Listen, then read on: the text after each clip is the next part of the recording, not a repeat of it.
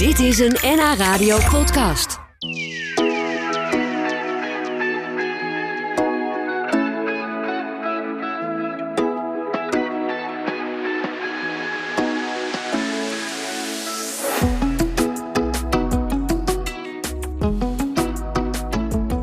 Schrijfster Manon Spierenburg is vandaag bij ons uit Amsterdam. Ze had het zelf niet in de gaten en haar omgeving ook niet, maar ze werd langzaam doof. Collega's verbaasden zich er wel eens over hoe geconcentreerd ze kon zitten werken.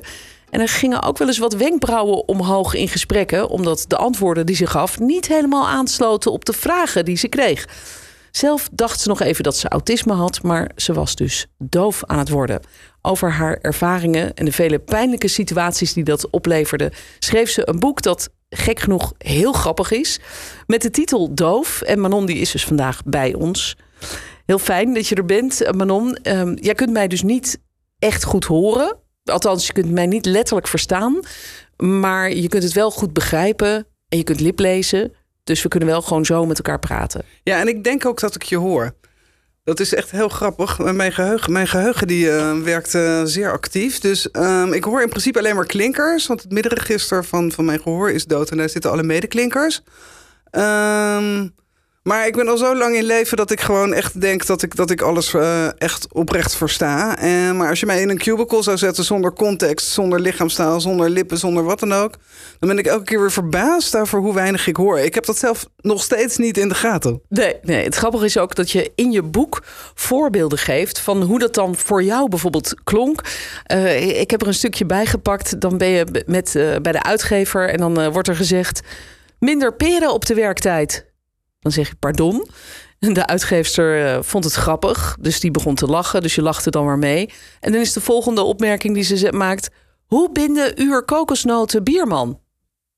Dat was wat jij hoorde. Je dacht, wat zegt die vrouw? Ja, en, en, en dan zeg je ook nog, sorry dat ik het zeggen moet... maar als je toch per se verslaggever wil worden... want dat wilde deze vrouw... en mensen moet interviewen... dan zou het toch niet te veel gevraagd moeten zijn... om je enigszins verstaanbaar te kunnen uitdrukken. Jij dacht dat het aan die verslaggever lag. Ik betrok dit totaal niet op mezelf. En uh, ik dacht dat het aan anderen lag. Ik heb heel erg lang gedacht dat... Uh, toneelstukken beschuldigd van postmodernisme en mensen verdacht van persoonlijkheidsstoornissen en inderdaad slordigheid. En ik betrok het gewoon niet op mezelf. En zelfs nu ik het nog weet, heb ik het nog steeds heel vaak dat.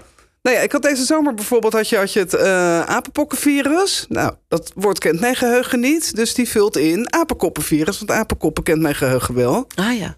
En dan denk ik oprecht dat al die presentatoren apenkoppen zeggen. En dan zeg ik ook tegen mij maar van echt belachelijk. Belachelijk van die mensen. Hoe, hoe kunnen ze als je toch zo'n programma presenteert? En dan krijg ik die blik en dan denk ik... Oh, ja, dat komt natuurlijk door mij. Ja, het is nog steeds niet helemaal normaal. Voor nee, jou ook. Nee, nee. Nou ja, nee. Ik, uh, dit, dit, dit, is wat ik hoor. En dan... Uh... Ja, maar dit maakt jouw boek wel heel grappig. Want we gaan mee in alle misverstanden en, en ook wel pijnlijke situaties die jij meemaakte. Toen ja. je dus doof begon te worden, zonder het te weten. En dat begon eigenlijk al twintig jaar geleden. Je werkte toen als scenario-schrijver voor Goede Tijden, Slechte Tijden.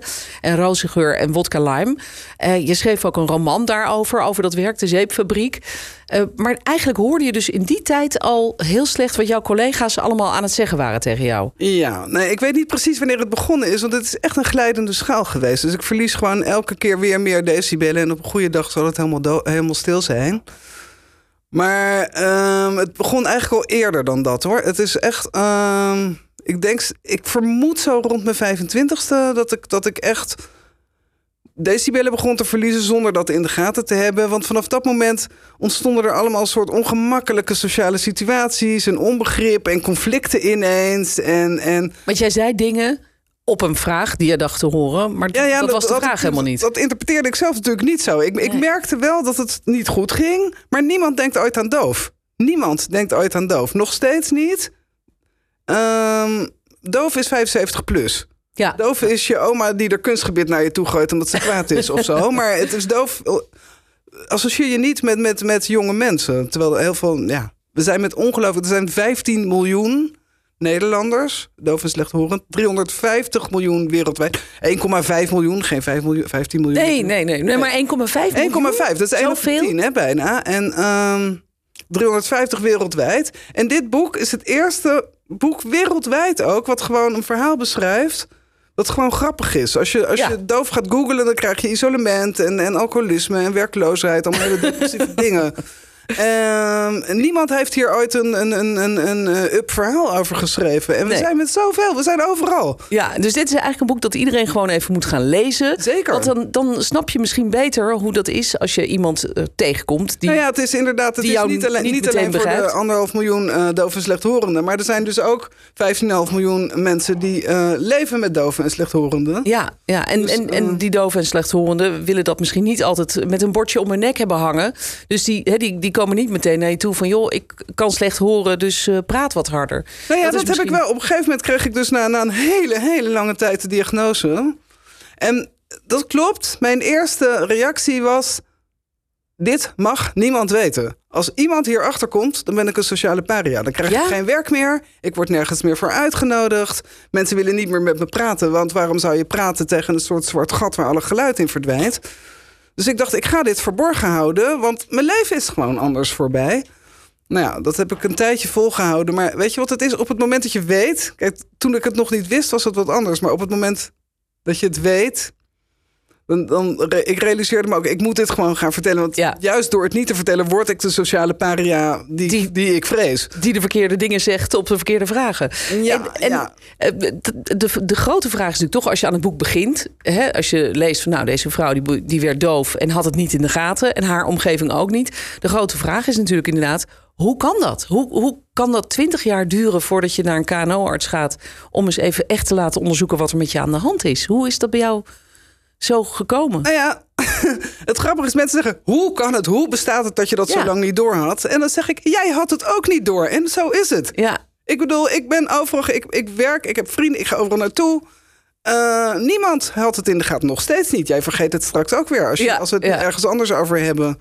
Ja, Want- dat is op zich natuurlijk ook fijn voor jou. Ik bedoel, eh, dat, dat je gewoon weer normaal met mensen om kan gaan. Maar, maar toch heb je, eh, wat heb je in al die jaren gedacht? Waarom, eh, wat dacht jij als er bijvoorbeeld op het schoolplein rare miscommunicatie was? Of als mensen je zo gek aankeken als je iets gezegd had? Ja, en ik heb heel lang gedacht dat anderen gek waren. En maar op een gegeven moment dacht ik, ja, wegens de grote getallen, dacht ik, hmm, misschien ligt het ook wel aan mij.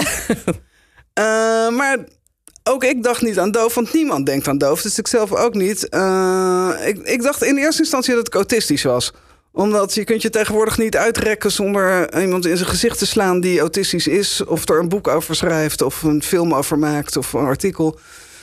Dus dat, dat ligt veel meer voor de hand. Want autisme, daar hoor je overal wat over. En doof hoor je nooit wat over. Nee. Dus dat is Nee. wat je denkt. En, het En is- nogmaals, doof associëren mensen dan misschien meer met ouderdom. Ja. eh, met met maar een goed, het oma is, die het doof is wordt. sociaal ongemak. Het is, het is constant dingen verkeerd opvatten. Het is eh, niet, niet mee kunnen met, met, met het hele sociale gebeuren.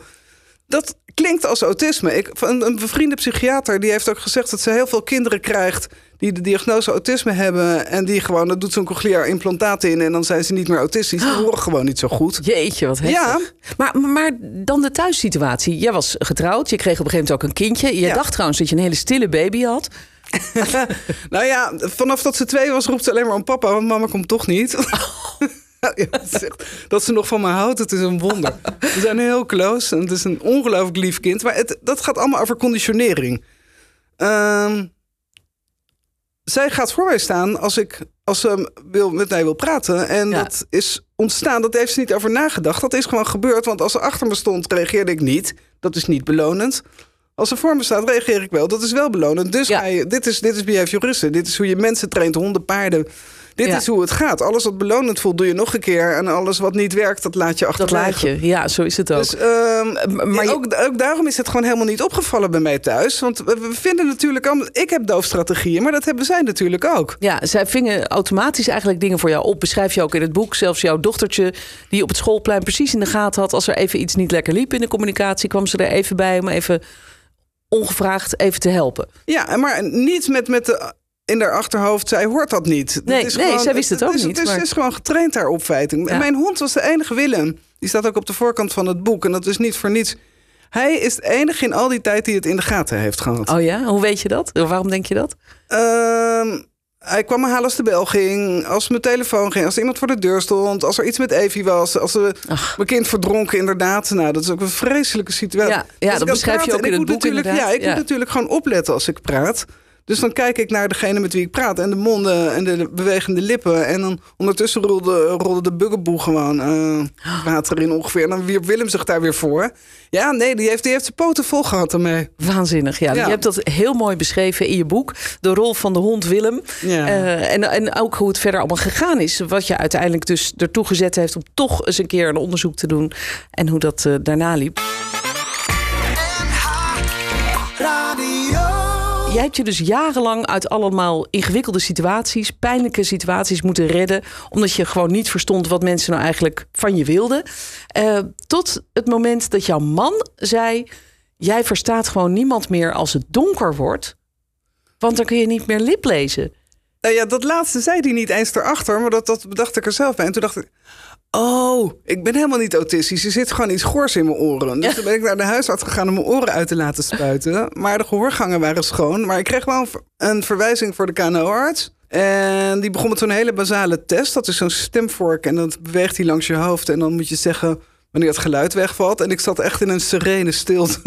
Lekker Dus ik zag ook al aan hem van, oh, dit is vast niet goed. Dus nou, toen kreeg ik allerlei testen en het was, het was heel slecht. Ver voorbij de verzekeringsnorm, zei hij met een knipoog. Maar Ik begrijp niet, maar, maar goed.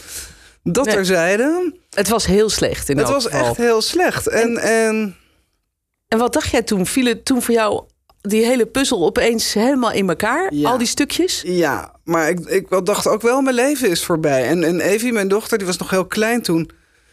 Die, die deed mijn haar opzij en die keek naar mijn oor en die zei, ik zie niks. En, maar dit is ook gewoon, die schat.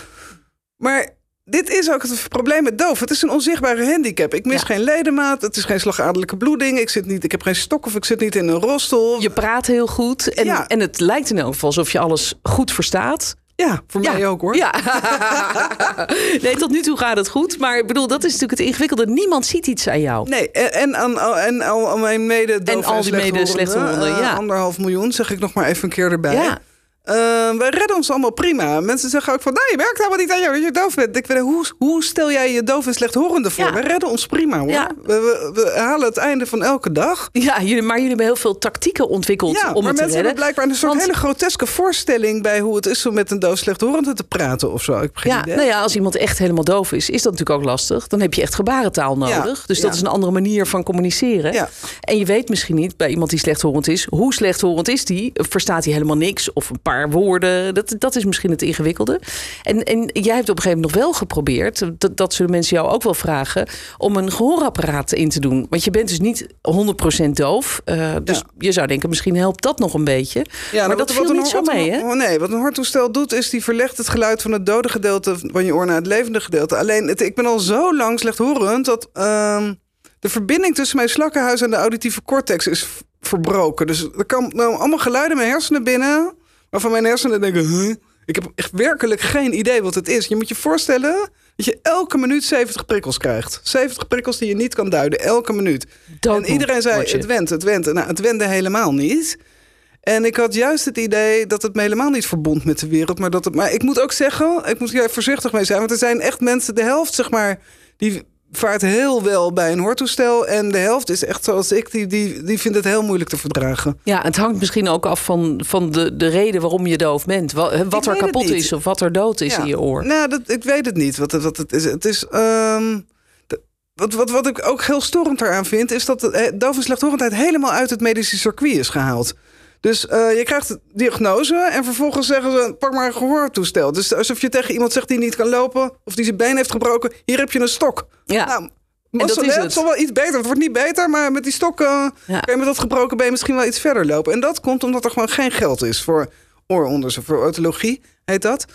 En er is voor alle medische wetenschappen is zoveel geld. Voor, maar voor, bijvoorbeeld voor oogonderzoek alleen al is tien keer meer geld dan, dan voor, voor, voor otologie. Het is echt belachelijk. Ja, nou misschien dat jouw boek daar wat aan gaat veranderen. Dat mensen echt, ja. ja. wat bewuster worden van alles waar je tegenaan kunt lopen.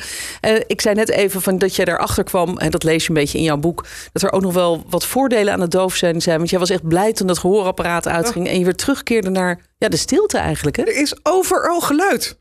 Ja. is serieus overal geluid. Het is gekmakend. Ja, Ja. En ja, ik, ik ben gewend aan. aan ja, het is als, bij mij, ik noem het ook altijd sublantis. Bij mij is het alsof je onder water zit. En dat is heerlijk. En ehm, ja, Ja. een gesprek voeren is onder water een beetje moeilijk. Maar je, ook elke, elke mindfulness cursus, elke religie, elke beter levensstrategie, alles is ingericht op peace and quiet. Ja. Ik heb dat. Ja, Gratis.